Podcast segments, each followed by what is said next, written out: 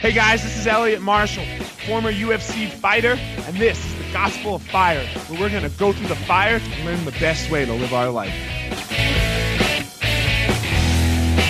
Hey guys, what's up? This is Elliot. Just a little, uh, just a little, uh, I guess, housekeeping or just updates. Uh, update number one: I've started my website, elliottmarshall.com. I think, uh, hopefully, most of you have have been there uh, and update number. Uh, so go to the go to the website, sign up for me if you could. That's going to get you uh, all the updates on the podcasts coming out, things like that.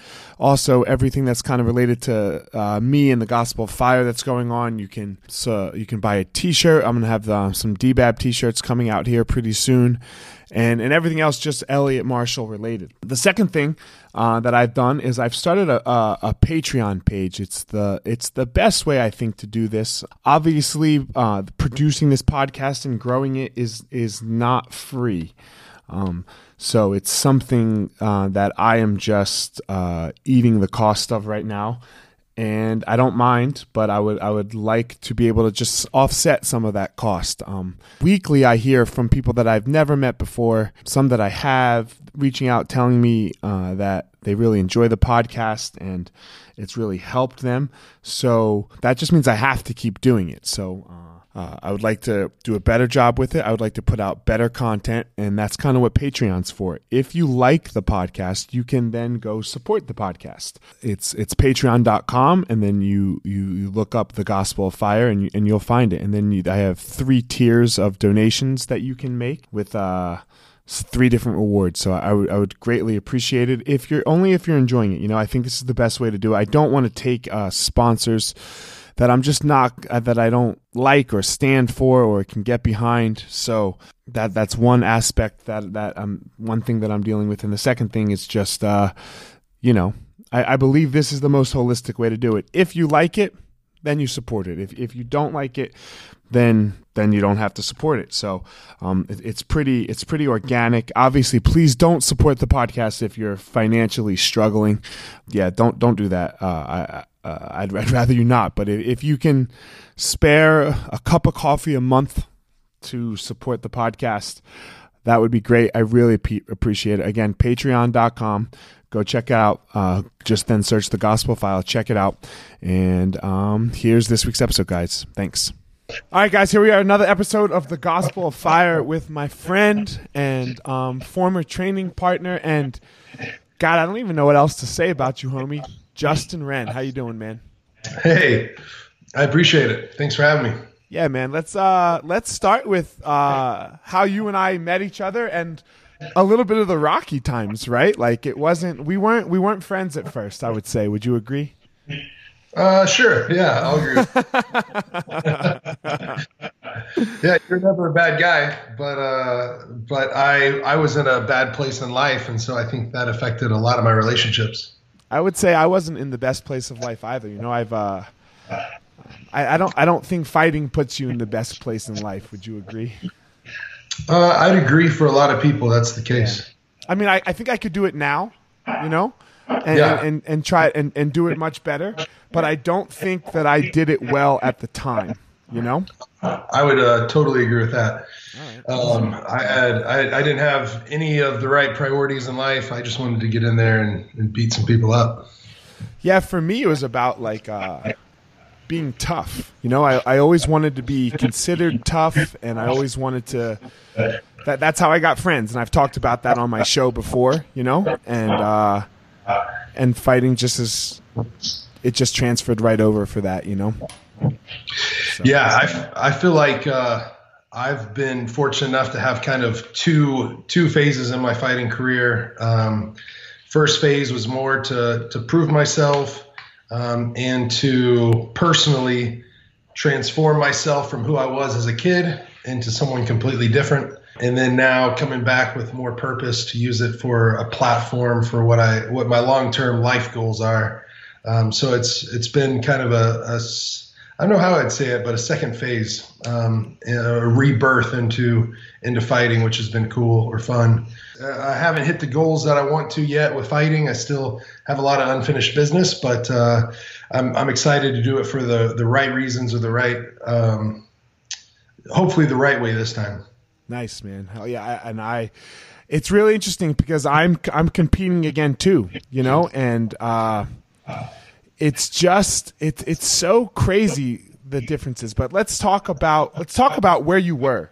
Like where, where, how would you describe that time in your life? Man, when we met, what was that even? 2008 or 9 2009 so i was on the ultimate fighter in 2008 and i think that was season 8 and then so you were in you were 2010 you know? Uh, oh, no, you were you were season 10 so season 2009 yeah 2009 right after you um, that's when i moved to colorado i can remember i moved there in uh, the summer of uh, 2009 and uh, came into the Grudge whenever it was at the old old place, I guess. And KO, I think, right? Yeah, Tees KO. Yep, uh, it was whenever I first visited, and then I moved over and actually moved to Colorado whenever it had just started. Grudge, Grudge just formed. Um, and yeah, man, for me, my life, uh, man, growing up, um, 13 years old, uh, got very heavily bullied. Would sit at the lunch table by myself. Would get pelted in the back of the head with chocolate milk spit wads or food or fist. And when I found the UFC, when I found MMA, the sport of mixed martial arts, I I I first oh I was saving up for a BB gun actually, and when I got to this flea market, kind of Traders Village is what they call it in Texas. I saved up all my allowance to buy a BB gun, but I, I stumbled across a used VHS tape uh, store, and I went through the VHS tape store and I found UFC two through nine or two through eleven, um, and whenever I I picked up the first one, uh, my initial thought was, "Wow, like who are these guys? What do they do, or why are they doing this?" But then I thought, for sure, these guys don't get bullied. Um, and then after that, I turned it over and I, I fell in love with the chess match of it. Um, fell in love with the you know different sports and how it was being advertised at that time: sumo versus boxing, or or wrestling versus jujitsu, or whatever it may have been. Um, so I fell in love with the sport then started pursuing it at 15. Uh, started pursuing wrestling at 15, fighting professionally at 19 years old. And then we met whenever I was 21, maybe. I might have just turned 22.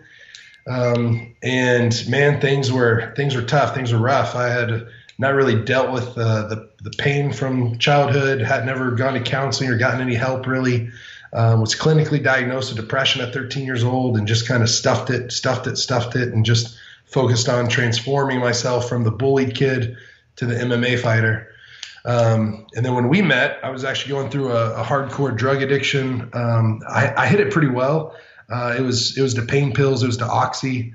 I, I, got hooked on that when I was living at the Olympic Training Center for for Greco-Roman wrestling. I had broken my elbow, dislocated it, tore the ulnar collateral ligament. Um, and so, yeah, I was just a wrestler coming in, learning at Grudge, and surrounded by guys that were literally the heroes uh, of, of heroes to me. Um, but just life wasn't in order. Uh, life was falling apart um, on the inside. Uh, I was hiding all the depression, the addiction, all that stuff, at least trying to. And then it, I didn't last long. I didn't last long with you guys. Uh, it was uh, uh, two years, maybe, um, maybe less. Uh, that from the day that I came in, felt like I was welcomed in as family, um, and then a, a, day where I was kind of asked to leave. So, how'd you get through at the time, man? What'd you do? Man, that's not easy, right? Like depression and, and drug addiction, all, all, all wrapped in one, you know. And like I, have never been addicted to drugs, but um, I definitely have have bad anxiety, so I can feel your pain, you know. Um, and I can, I it, and my man, like when you said you sat at the lunch table alone, fuck, man. like I thought I was the only one. you know, like yeah. I, that the lunch table by yourself is terrible. Yeah, without a doubt, bro. Without a doubt. Uh, for me, I didn't handle it well. Um, I, I, uh, so Josh, you know, uh, Copeland, yeah, uh, the Cuddly Bear. Uh, he he was a guy that was really fighting for me. Uh, we were roommates, and he was trying to help me with my addiction and stuff, but he felt all alone in that. I had another best friend at the time too, and I remember going off on an eight-week long drug binge where I went from literally a couple different drug houses in the mountains up in Summit County, um, and kind of scared a couple scary places. You think of it just as beautiful and incredible and a vacation spot and uh, I found the worst of the worst spots up there, and was just using. And remember coming out of that and uh, or kind of woken sober, uh, and it was a friend of mine, close close friend, uh, best friend. The reason I got my start in MMA, uh, he was an MMA fighter too, and on the other line it said, "I can't believe you missed." It was a voicemail um, saying, "I can't believe you missed my wedding. Uh, I can't believe my best man didn't show up." So I was uh, just a broken dude. Um, I think uh, I, am talking to a buddy of ours, Scott Nickel, a little later. Oh, are you? Nice. Yeah, on his on his podcast. Not on his podcast, but uh, they're bringing me out to their church, and so I'm gonna um, uh, do an interview with them uh, later in October. Yeah, I talked and, to Scott this morning. oh, great, a great guy. Um, but I think I think I've heard him or or other people, pastor type people that say hurt people hurt people, um, and that was that was definitely me. I was a hurt dude, hurting inside, um, and I couldn't help but to hurt uh, the people around me. So that was that was pretty much rock bottom until I came into Grudge one day, and uh, I had already missed my best friend's wedding. I was already messing up all the relationships in my life. And uh, that childhood dream, though, was still there. I was still an MMA fighter. If I could only be that guy, then I'd be fulfilled. Then I'd be, I don't know, significant. And uh, uh, I would have successfully transformed from the bullied kid into the MMA fighter. And I walk into the gym, and T pulls me into his office and says how the team just took a vote.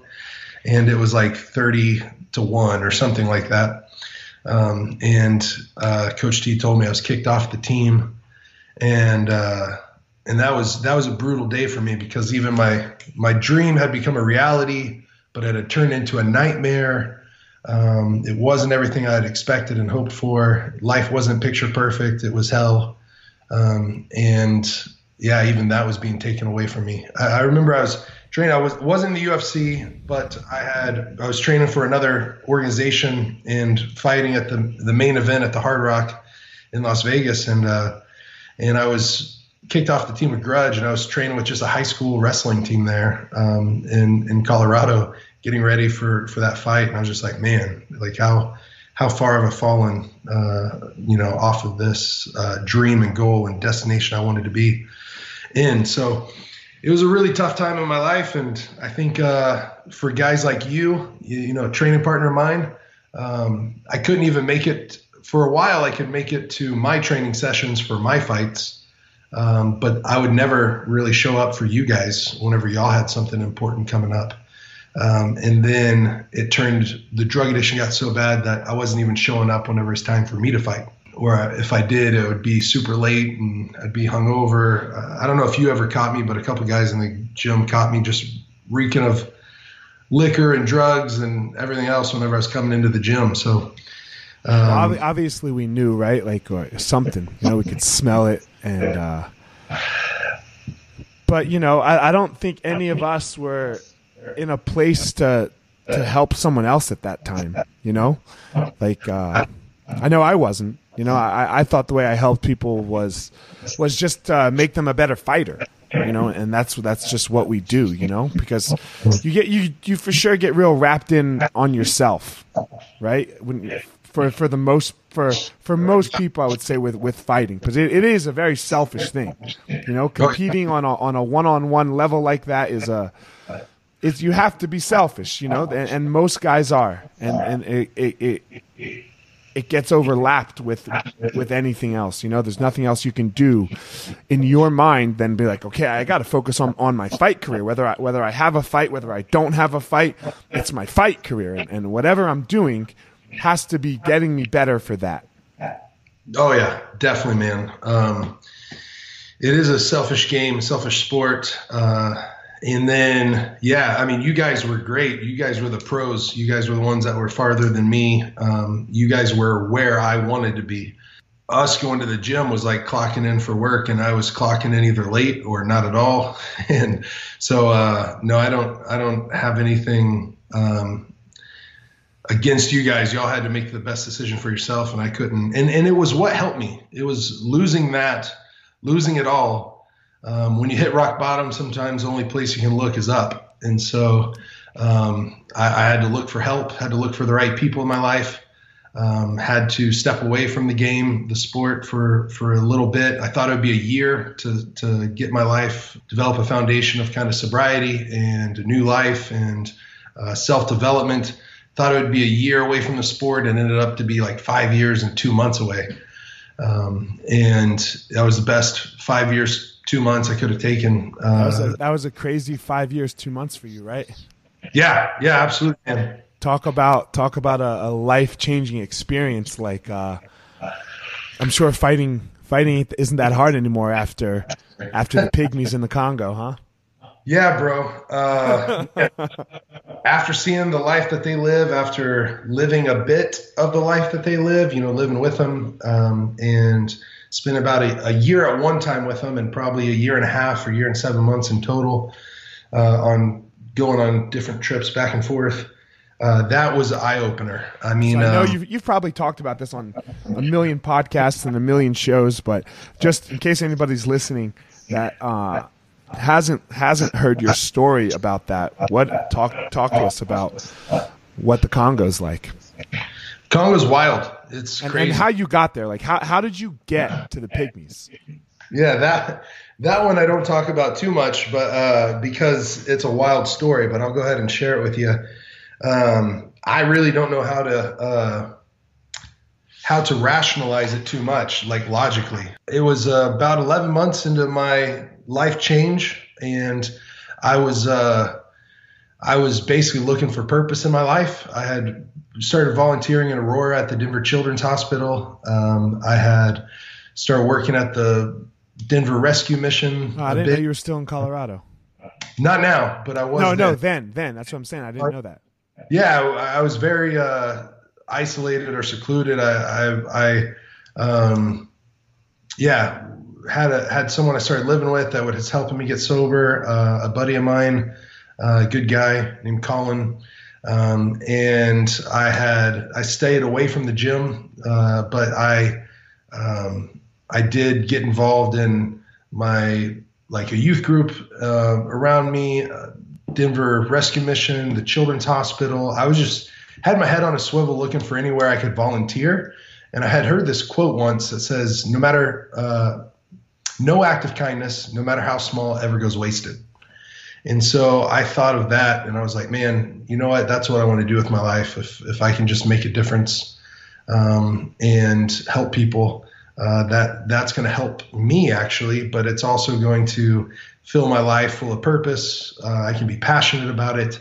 Uh, I will feel significant, um, you know, and, and I had this guy ask me one time, and, and what's more important in your life personally? Is it being significant? Is it significance or is it success? Um, and I think you can have both. To be successful, you'll have to be a man or person of significance. Um, but it, just how you reframe it, you know, do you do you are you just after the money, just after being quote unquote successful, um, or you after being like your life being significant to other people um, and to this world? And so that kind of changed my perspective a lot.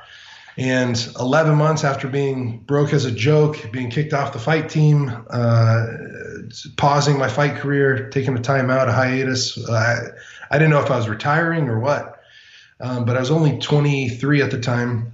Um, and God, man, I didn't I, realize I didn't realize how young you were. I thought I thought you were our age. Like, yeah, you were you're you were much younger.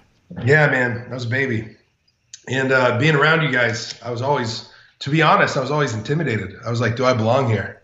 Um, I'm uh, I'm just a, a young buck, um, but I, I, appreciated the opportunity.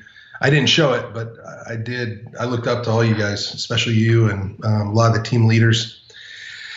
I found myself at this place of volunteering, going all, and I Congo wasn't on my radar. Africa, honestly, never was. I, it didn't seem like a place to really um, vacation. Uh, you know, I guess there's safaris. I was very naive. I didn't know how beautiful the place it was, how beautiful the people were. Um, you know how seven wonders of the world are there. I mean, like some of them, and I mean, just it was just a, a continent that was off my radar. You know, you think of vacation, you think of Europe or Australia or certain places, but you didn't think of, of Africa very much. No, man, you're not thinking of the fucking Congo. No. Yeah.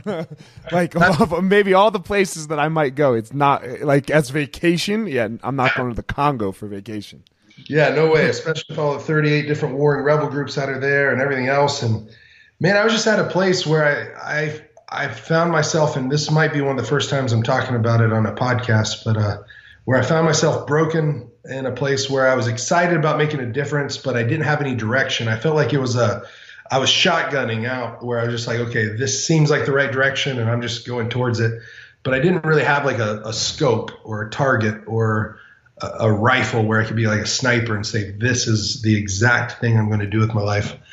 I didn't have that. Um, and so I found myself in a pretty desperate place. I said a prayer, and uh, I know that can sound wild or crazy to a lot of people, um, but I said, God, what do you want me to do with my life? And I say that, and then all of a sudden, I was five seconds, ten seconds later, and uh, and I, I, had this actual movie in my mind play out where I, I can only only thing I can really figure out to call it was it was a vision. I saw myself in the rainforest. I know that sounds nuts, but I, I had this this vision quest type thing take place where all of a sudden I'm I'm in the rainforest. I'm walking down this footpath. The footpath's barely wider than my feet. There's thickets that I'm having to clear out with my hands, and I'm walking down this footpath where I have no idea where I'm going.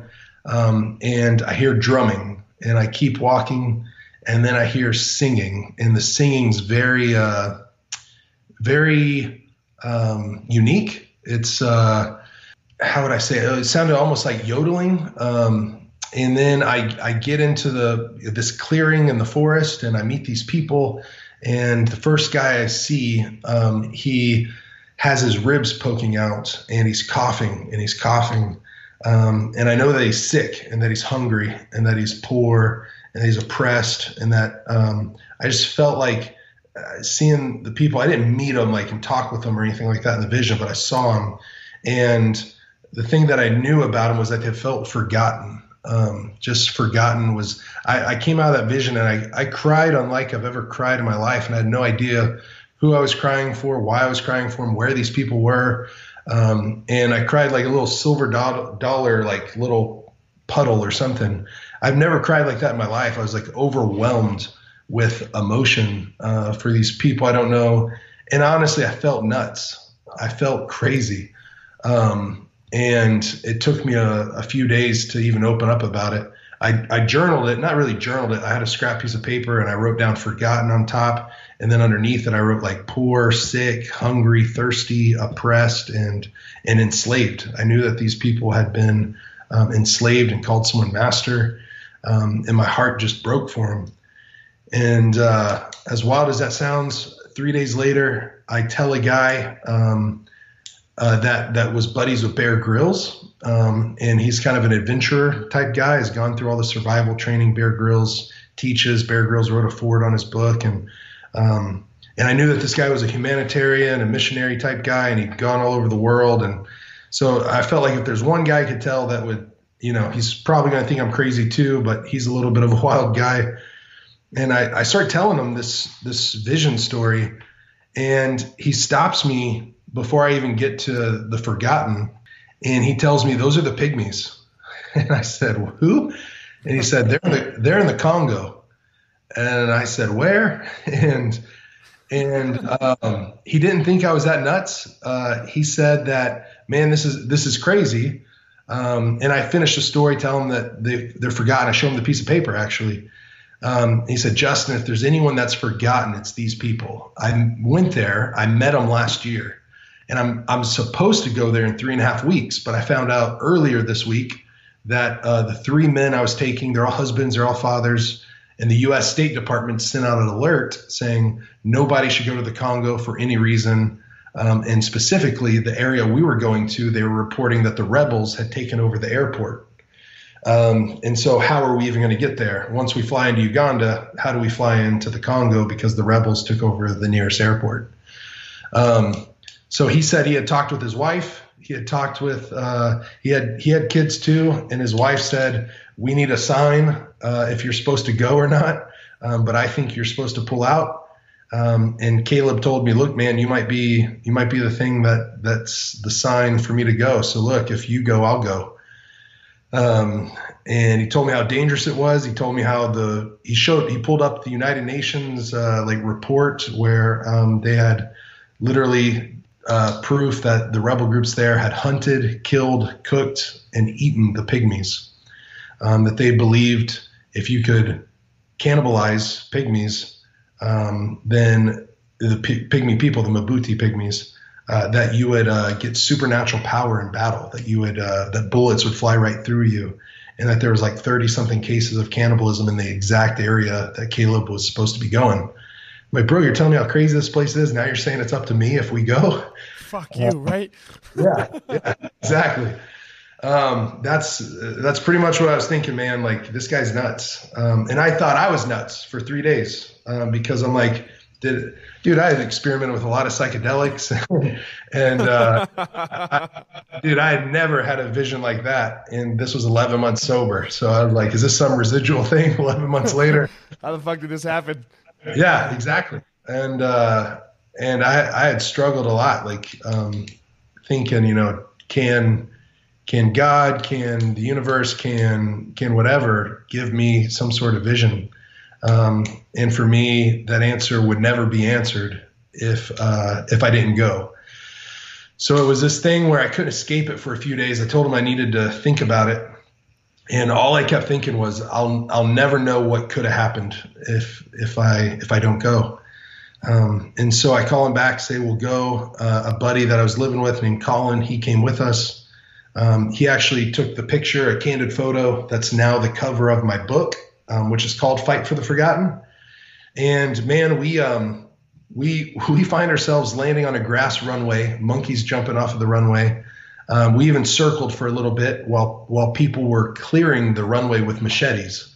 That was the way that they were mowing the grass, um, and it was just wild uh, to me. We're landing in the rainforest. We we get in this car. We drive out in the middle of nowhere. We have to get motorcycles from there. Then we have to get off the motorcycles because they can't handle the the the small little footpaths anymore and all the trees everywhere. So we have to get out and hike.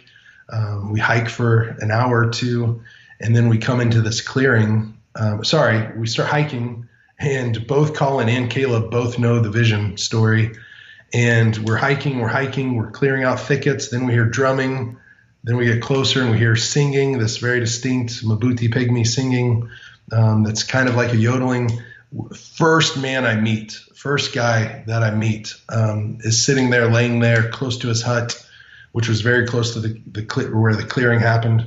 Um, and he's got his ribs poking out, and he's coughing and he's coughing, and he's got tuberculosis. Um, we meet the chief, we talk to them. First day we're there, the chief tells us everyone else calls us the forest people. We call ourselves the forgotten.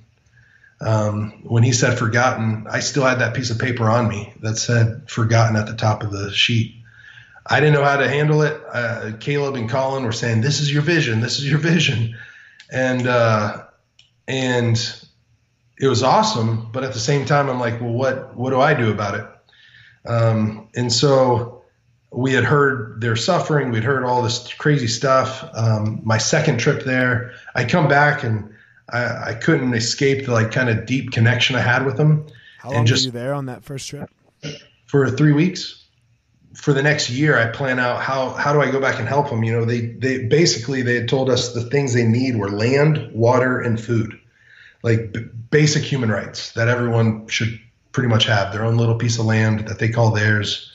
Um, you know, water, clean water, and food. Uh, they wanted to have those things and so I was kind of planning around that. Went back um, and really just wanted to do another scout trip where I where I truly understood. The first trip we they told us it was too dangerous to stay in the village with them, so we had to keep going into the village and then out of the village and stay in a hotel that had like bullet holes all in it. Um, and then we'd go back into the forest and we'd come back out because they said rebel groups were in the area and it was too dangerous to stay. So the second trip, the goal was just to live with them, listen to them, learn from them, and then and then we'd know how to love them the best. And so more and more started coming out with land and water and food. Uh, more details started coming out of how we could do that, how we could buy land back for them. Um, and then three days into my three three days until the end of my second trip, second month there, um, a little boy named Andibo uh, actually he he passed away. He was one and a half years old. Um, I was cupping the back of his head and holding his little hand, and his mom was on the other side holding his hand, and and that's whenever the blood started coming out of his ears, and he took his last breath, and um, and looking into it and finding out well why. Um, it was crazy. Uh, her she had already lost her husband due to dirty water. She had already lost her other son due to dirty water. Now she lost her youngest son, and she was all alone. Um, and she was sick and dying of dirty water. Um, she was she was there, and culturally it's fine, but she was there, and she was uh, she was topless, and you could see every rib in her sternum. I mean, every single you could see her ribs on the side too, but you could see every rib connecting to her sternum, and it was just it was nuts to see someone that was just shriveling away right in front of your eyes, um, with with basically no hope. Um, and so the water crisis just smacked me upside the head, and it was like, man, we've we've got to do something. So came back again, planned out to go live for a year there, um, and during the year being there, uh, it was it was incredible. Um, I, I, just fell in love with the tribe. Uh, they adopted me in. Uh, they gave me a full name. Um, they, they, gave me a first name, then they gave me a full name. Um, what's, your, my, what's your name? Yeah, it's Efeosa is the first name. Efeosa Mbuti Mangbo, and you have to say it. But it's Efeosa Mbuti Mangbo. Mabutimangbo. and uh, and Efeosa means the man who loves us, and uh, that name I, I really treasure. Means a whole lot. Uh, I cried when they gave it to me. Um, and then Mbuti Mangbo means um, the big pygmy. and so uh, the average height for the Mbuti pygmies is only four foot seven, um, and that's for the men. And uh, the so I'm you know big vanilla gorilla walking in, into the forest and hanging out with them, and uh, they, that's that's the name they gave me. And so man, we just we just planned and we were able to work with the government on the local level, the state level, and the national level. And we were able to get back um, how, how, many acres? Of, well, 2,470 acres of land how, for them. How do you get that back? Like, what does that look like? How do you keep the rebels from just coming and taking it? Well, so we worked in areas that weren't so rebel infested. Um, I mean, they're they're on each side of us pretty much.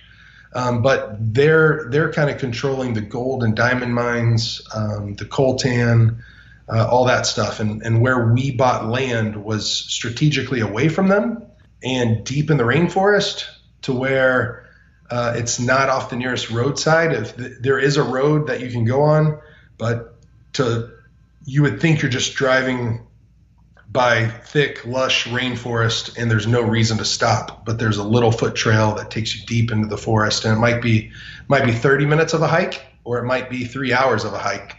But really, there's no reason for the the rebels to go there unless like a, a gold deposit or or something was discovered there. Um, so we strategically chose the land.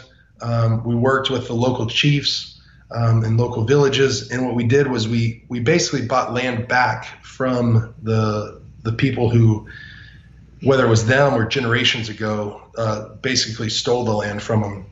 Um, and so we we would work to where it would be. So if we bought it in the name of our nonprofit, it would have been a five year certificate um, and we would have had to buy the land again in five years. It would have been hundreds of thousands of dollars, and we would be spending that every five years. So it'd be constant fundraising for land. It's the same land.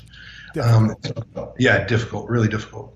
Um, we worked with the local university there, their community development department, and if we would have bought it in the name of the university, it would have been a 25 year certificate. A lot less difficult, but still difficult thinking, well, in 25 years, what's the land price is going to be? Um, so uh, we did a lot of research, and the university found that you know what, if you buy land in the name of a people group, it would be similar to here in the U.S., where it would be like um, a Native American protected land reservation, um, and so we could buy we could buy in the name of the Pygmies, which the Pygmies had zero land in their name and their country at that time. Um, and so we worked to buy back 10 plots of land for 10 different villages, and they averaged about 247 acres each. Um, because 247 acres, some were 500, one was like 130 acres. Yeah, man, it was it was a long process. It took six over six months. Oh, I mean, it took two years and six months to really get the idea, get the plan, um, and then go implement it. But it took six months of negotiating and lobbying and um, it wasn't like, easy on you, right? You got sick and all that stuff, right? Like in the hospital, almost died. Yeah, bro. It it it took a toll. It almost took my life. Um, uh, the first time I got malaria, I've had it three times now. Um, but the the first time I got it, it almost killed me. I lost 33 pounds in five days. Um, Just vomiting and diarrhea. And- yeah, yeah, both sides, and um, I, I, got to the point to where I was vomiting red and green, so it was blood and it was bile. Um, and I had my veins were collapsing. They literally probably pricked me 20 different times trying to get uh, a vein. They were. Where they were, were you? What hospital were you in? Where did they? I, I, I, was in Congo. I don't know if you'd call it a hospital. Uh, it was. I was staying at the university in kind of a little dorm room, uh, if you'd call it that. It was like a hut um, and uh, there was a medical staff that was treating me, um, some nurses and some doctors, but they couldn't agree.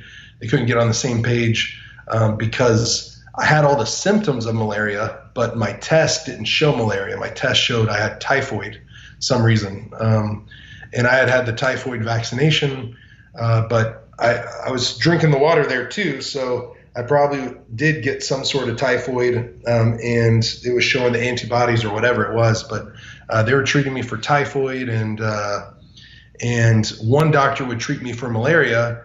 And since there was two or three doctors treating me, uh, two or three weren't giving me any of it, so he would just double or triple up whenever it was his shift. Um, and what he didn't know was he was actually giving me almost lethal doses of malaria medication. Fuck. Um, so I was having uh, my peripheral vision uh, disappeared. It was tunnel vision. Uh, the vision in front of me was completely blurry.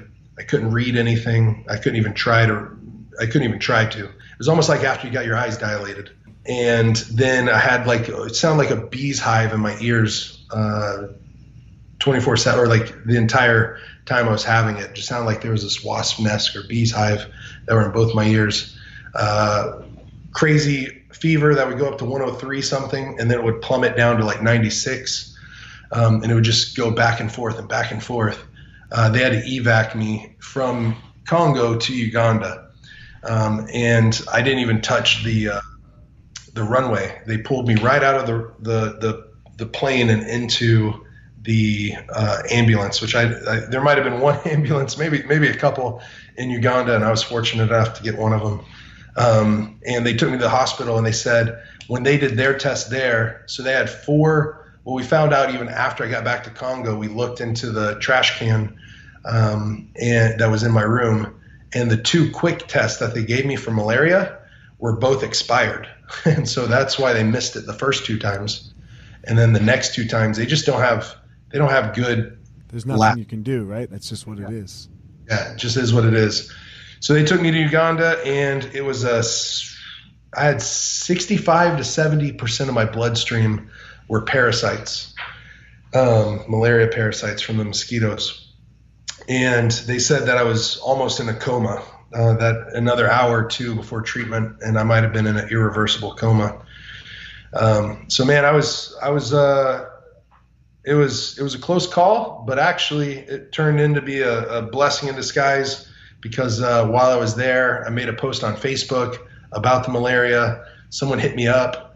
Um, I said that you know what he said, "What's your greatest need?" And I kind of posted about it on Facebook, saying, you know, we need uh, we need fifteen thousand dollars to get a new truck. Um, and uh, it was a it was an Indian made truck. It's called a Tata. It's kind of like the knockoff of Toyota.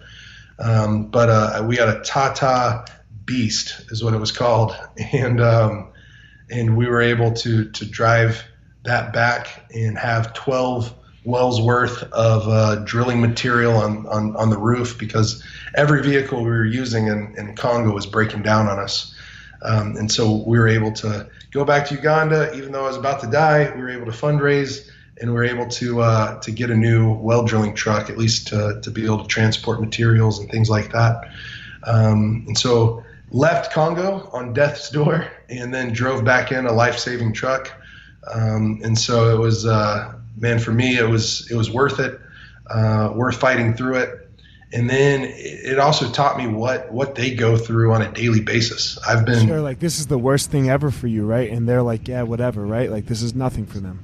Yeah, yeah. For for me, they were they were just like, oh man, is is he going to come back because he now he now he understands what we go through. He doesn't so, have to. Right? Yeah, he doesn't. You don't like this could be the end. Yeah, our, our big our big pygmy might uh might be like, well, sorry guys, um, I don't want to die. Yeah, yeah, absolutely. So that that that was the option was to to leave and go back home, um, and my family was calling for it, and uh, fiance at the time was calling for it, but uh, it was just it was an opportunity to understand.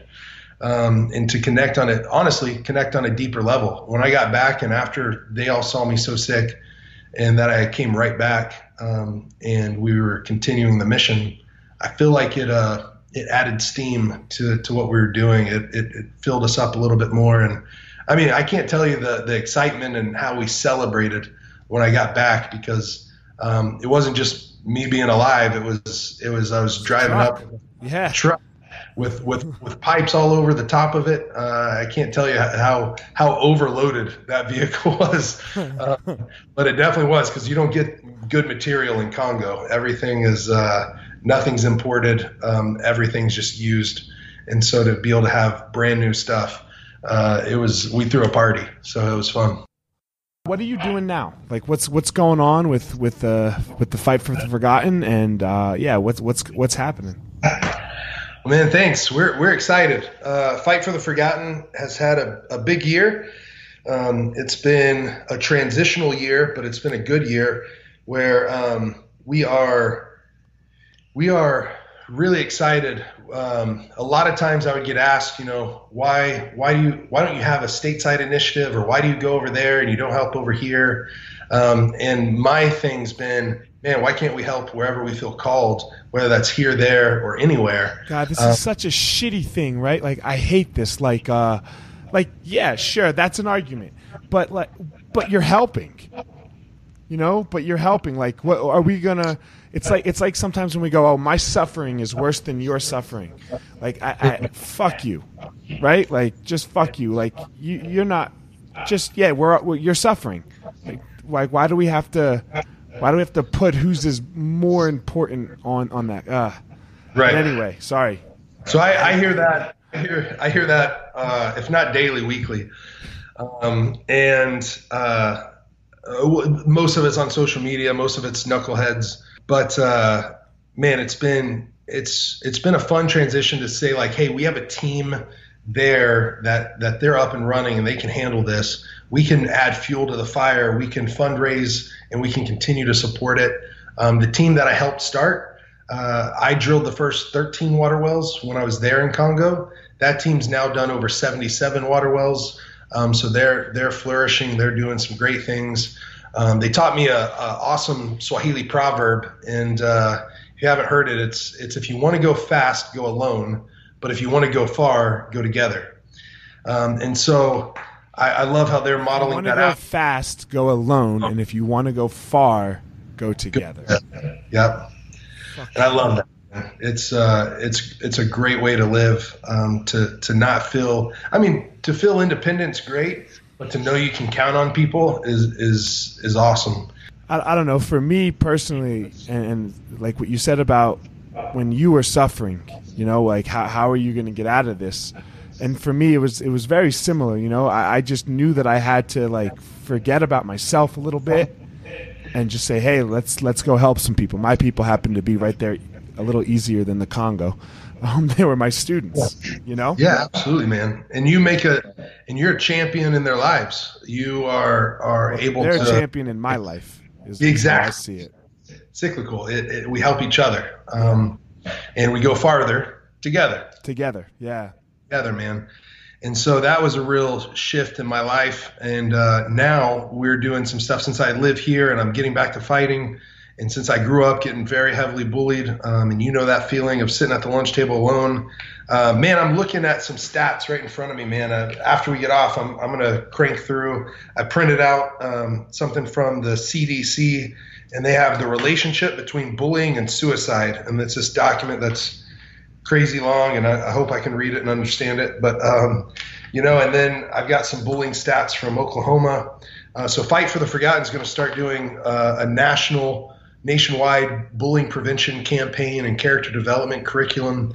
And uh, looking at just Oklahoma stats right in front of me, 28 point. This is a statistics for grades nine through 12, but 15 percent. I won't read all the stats, but 15.1 percent were seriously considering suicide.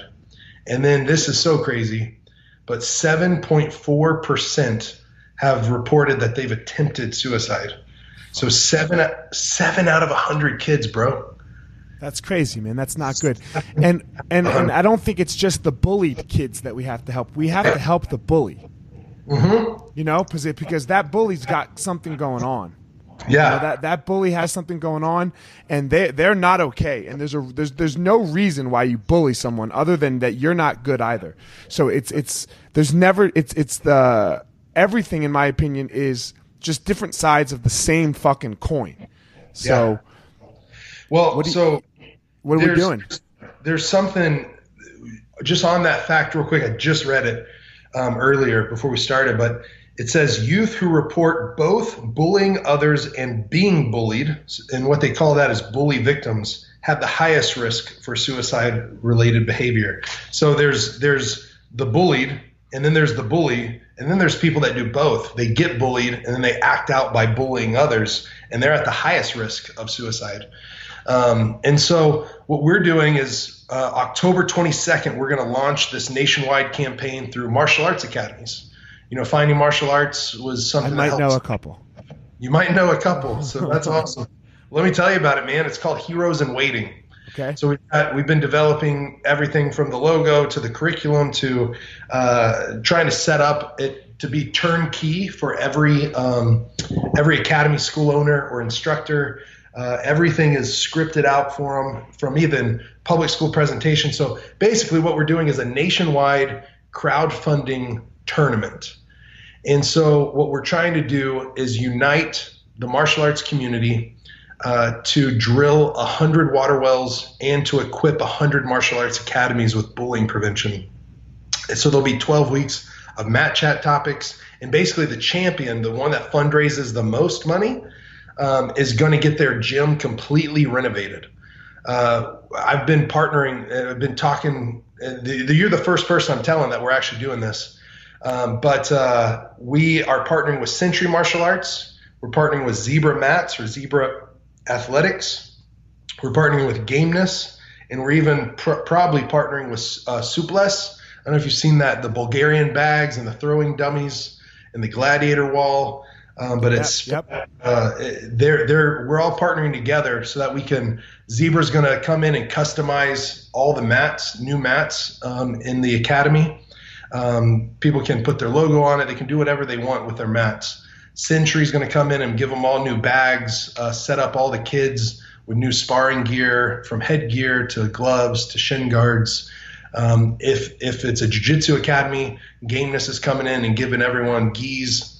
Um, and it's just going to be an awesome thing that we, we unite together. The, the championship school is going to get a fight for the forgotten championship belt. And then what we do is with them fundraising, we're, we're going to suggest a goal of $4,200 each um, because $4,200 will drill a well. Um, and so, so, hold on, you just one school has to raise 4,200. If they can do $4,200, they're going to help us drill a well for a community in need. And then what they get is the bullying prevention curriculum. So uh, basically, we're going to have round one, and then we're going to have round two. Round one is fundraising. We're going to do that. We're going to launch October 22nd, and we have a crowdfunding module on our website, fightfortheforgotten.org. People can go sign up and be part of the Heroes in Waiting campaign. We launch October 22nd, and we go for eight weeks. So we're going to do an eight-week crowdfunding tournament, and uh, it'll end December 17th. And then going into the new year for round two, starting in January, that's when we implement. That's when we start drilling the wells. That's whenever we start equipping the academies with the bullying prevention curriculum, the character development stuff. And basically, what, what Heroes in Waiting uh, talks about inside it is that there's these three paths in life. And you can, and we got it from a TED talk. The TED talk's called um, The Psychology of Evil. If you haven't watched that, bro, that's for anyone watching this, but but you too, Elliot. The psychology of evil. Just, uh, just go on YouTube and go and put that in. Yep, the psychology of evil, and it'll be the first thing that pops up. It's six or seven million views. Um, it's it's fantastic. I think it's one of like three or four guys they've ever let go beyond the 17 minute mark. So I did a TED talk, and they were they were TEDx, and um, and they, man, they're super strict, super strict on on the time limit but you can tell that whenever 17 minutes starts approaching, someone gives them a signal to keep going. This is too good. Don't wrap up yet. Uh, get everything out. And he uses a, a, a story uh, of the New York subway hero. And basically, it's this guy that uh, that, and he wraps up with this. But the the guy, the New York subway hero, was at the subway. He's got his two children with him. They're like five and six years old, or something like that and a guy falls he might have jumped but a guy falls into the, the train tracks um, and this man hands off his kids jumps down in the tracks while there's hundreds of, or 100 people watching probably 100 or 50 70 he jumps onto the tracks he covers the guy and ducks and the subway goes right over him now they measured the, the afterwards they measured him and the clearing was 26 and a half inches tall together, the, their height, whenever he was covering them, was 26 inches tall. So they, they literally only had a half inch clearing. And this man, what was it inside him that made him an ordinary person do something extraordinary? And basically, how they start the TED Talk is saying that you can be a perpetrator of evil, wrongdoing, um, you can uh, be the bully, or you can take the path that's probably most often taken.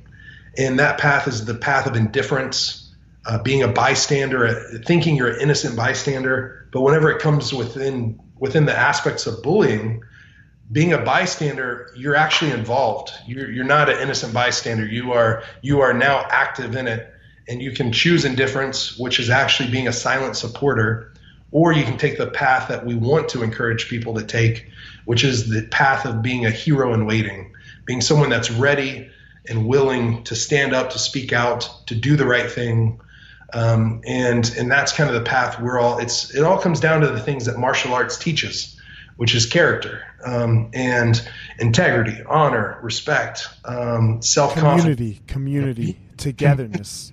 wow, there you go. You just nailed it. Yeah, man. Nailed it. Community, togetherness. So yeah, that's that's what we're hoping to do with this campaign. It's I'm probably not explaining it the best. This is my first first time explaining the the, I'm the crap. It. It's it's good. Well, thanks, bro. A hundred martial arts academies. That's what we're inviting in to fight for the forgotten. Our our heroes in waiting campaign. What we're trying to do is raise four hundred and twenty thousand dollars. That's a lot of money. Um, but the the reason we're doing it is because we want to drill a hundred wells and we want to equip a hundred martial arts academies with bullying curriculum. So um, we want them to know that hey, you being part of this is going to better your community is going to strengthen it. It's going to advance martial arts in the community, but it's also going to uh, instill character um, and is going to encourage people to be a hero in waiting. And then the action we can take is fundraising to make a, to make a difference in a community in need on the other side of the world. And so we're making a difference here and there. Um, and so that's that's kind of the vibe we want to put off. That's that's that's what we're trying to do um, is to knock out the water crisis for 100 communities and then to stand up and fight for people against bullying um, in, in, in the martial arts community, in the martial arts world, which will translate over into schools in need. Fuck yeah, man. That's Yeah, we're gonna, we're gonna. Yeah, I would love to help. I, w- I would love to get involved and and figure out how we how we do this together, man. Because it's it's this whole thing of togetherness, in my opinion, that we have to we have to figure out. We have to put our cell phones down. We have to get off Facebook and Instagram and all that stuff, and we have to sit there and be with each other. Hmm. And um, if we do that, you know, and if we get into places that do that more, you know, if if we go spend time with the people that we live with and live around all, all of our problems will go away, in my opinion. All of the major problems we have will go away. So, um, well, you're right. I, I, I'm. I know that seems a little too idealist, idealistic, but man, it's so true though. If uh, if we could all come together, we would solve would solve the world's problems. Nobody's an asshole to somebody's face when they have to sit with them. Yeah. Right. That doesn't happen. You know, yeah. it's easy to do on our computers and our, over over over our, our phones and whatever. But I, I mean, I've had plenty of disagreements with people face to face, and then you just kind of have to work it out because you're you're with them. You're right there. You know, yeah. where when you don't have to do that, it changes the dynamic of everything, and, and we're doing more of the not with people, less of the with people. So we hate each other, and hmm. um, and we need to we can, we can change that by just actually spending some time with each other. Yeah, man, I, I totally I, I get what I'm I'm right there. I agree. Um, and so we're we're excited, man, for people for people interested or people like you, man. Uh, if if your academy would want to jump on board um, and and be part of this, we're we're yeah we're calling all martial artists. Um, so look, man, my schools we're, we're super blessed, you know. Um, yeah we we have great curriculums with the bully stuff. We we we're, we're totally uh, we don't we don't need gis. We don't need mats. We you know we're we're super lucky. You know can can we do all of the other stuff? You know, like can we can we? I just want to crowd. If we just want to crowd raise or help you fund, you know, crowd fund. I think you called it. Yeah. Is, is that possible? I mean, I, I don't I, I don't need like I, I, it's not. I don't. I don't want to be arrogant with that. You know what I mean? But like we, we our schools are. We, we, take. You know, we have great students that that that help us in all of that stuff, and and we've been lucky and been successful. So can we just do the crowdfunding part? Yeah, absolutely, man. You can all just right. do the that's the easy part. Yeah, that's right. that would be awesome. And so right. basically, it's uh, you all you would do is, and it's not live right now, right the second, yeah, yeah, but for sure. soon. And but you'd go to fightfortheforgotten.org you would select Heroes in Waiting, okay. and then which will be on the website October 1st, and then um, and then from there uh, you just hit start a fundraiser, and okay. you can people can do it individually or they can do it as a team. And so the top the top fundraiser individual is also going to get a free home gym uh, from Zebra Mats and stuff like that. Cool man. Um, but uh, yeah, one of my students might appreciate that if, if they if they're at the top, you know. But okay, um, yeah. As far as far as me, man, I don't believe in. Um, yeah, you're no strings attached. No strings like- attached. Let's you know, and not not not not because I wouldn't be appreciative, but we, but you just need to do it. We just need to do it. We don't like the, and this is this is what will make the world better. Just helping people for nothing, you know, and it's not for nothing. You're you feel better. Yeah. You, you, know, like I won't even say it's for nothing. I feel better when I do it. You feel better when we we just feel better. We're just yeah. and and that's what we need more human connection for for no money for no no no nothing in my opinion. So like I said, but and I understand that's not everyone's situation. It, it is yeah. it is ours. So like I said, we're blessed and um yeah, man. If you can do it, let's let just help people out of the kindness of your heart. Well, I think you nailed it where you say you feel better, but we become better, right? Yeah. We become better. We are better. Uh, and man, I'm hoping to unite this. And what literally what could happen is through this campaign, I don't want to exaggerate numbers, but a minimum of 30,000 people will get access to clean water for the very first time in their lives. And up to, up to, depending on if we knock it out of the park or, or, or how how much funding comes in, we could do a hundred thousand people um, in this next 12 months just from the funding of of this Heroes in Waiting campaign. So I'm I'm hoping we unite the martial arts community. For every martial arts academy owner, um, it's a turnkey system where we send you when you sign up, we send a fundraising toolkit, crowdfunding toolkit that kind of walks you through how to start a fundraiser, how to you, if you want to have, host an event, you can have a kickathon. If you're a taekwondo school, you can have a rollathon. If you're a jiu-jitsu academy, you can include the community to say this is why we're doing it. We have videos that are coming up uh, that people that we send out that are uh, either anti-bullying or about the water crisis. Um, there's some of me speaking. Uh, there's some of other people that are much smarter than me. A TED talk uh, about the world's water crisis. Um, and people can host an event, and uh, we have press releases that you can put in your academy name and send out to the local news, radio, um, and and so the the whole goal is to make it a win-win-win for everyone.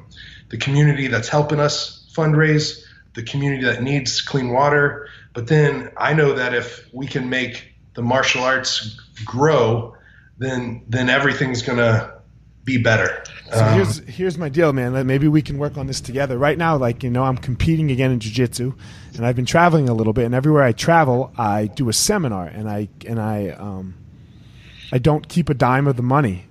Um, so uh, I've been giving it away to local causes, but I think I just found my cause to to give it to. So maybe maybe we could work together to. Um, I, I'll, I'll go I'll go teach seminars all over, man, and I, I don't need anything. Um, I will I will just give the, like if, if I'll just give the money away. Wow. So well, let's let's figure this out.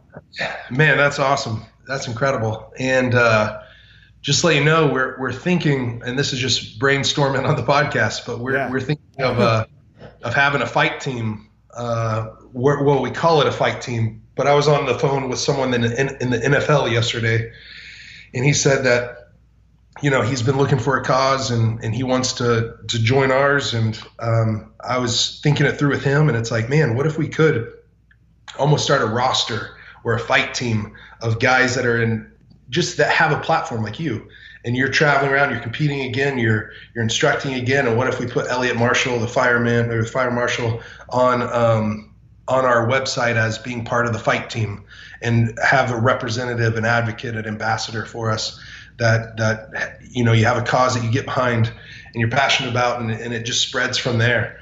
So um, with my with my fight money, I donate my fight money to um, people who suffer anxiety and depression. Like I get them therapy. So I I um I, I want to keep doing that, but I would definitely. But my but my seminar money, I try to I try to teach a seminar everywhere I go too.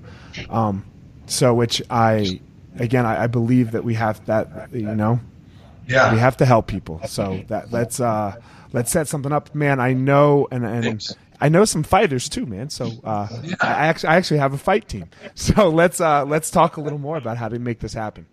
Okay, bro, that's awesome. yeah, man, you're the man, bro. You're the man. You're the man. Fuck. This is awesome. Tell everybody where they can reach you on social media. Yeah, so on social media, most of it's just at the big pygmy. Right. So uh, big pygmy, which is P Y G M Y. Most people don't or have the trouble spelling pygmy the first time. So it's P Y G M Y. Um, and then, man, if I could direct anyone anywhere, it would be to the website www.fightfortheforgotten.org. Okay. That's uh, my life, passion, and mission. So. All right, man. Well, I'll do everything I can to help, man. I'm. Uh, I know you. I know you're homies with Joe, Joe Rogan, and, and he's yeah. he gets like nine million downloads an episode. I don't get that many, but um, I'll do everything I can, man. Dude, you're awesome. If if people want to tune into that one, it's October 15th. I'm going back on Joe's show. All right, so October 15th, uh, Justin's going to be on the Rogan show. Um, that's the show to get on, man. Like that's like he's the pod god, right? Yeah, he's the pod god. So cool, man. All right, Justin, it was great talking to you. I really appreciate your time, man. Hey, and uh, we'll talk. We'll talk more about uh, how to make this happen. You're the man, bro. Take care. Hey guys, thanks for listening to this episode of the Gospel of Fire. Hit me up on my social media at Fire Marshal 205 on both Twitter and Instagram. Give me a follow at my fan page on Facebook, Elliot the Fire Marshal. Give a subscribe on iTunes, on Stitcher, wherever you're listening. Throw a review up there. We'd greatly appreciate it. We'll see you on the next episode.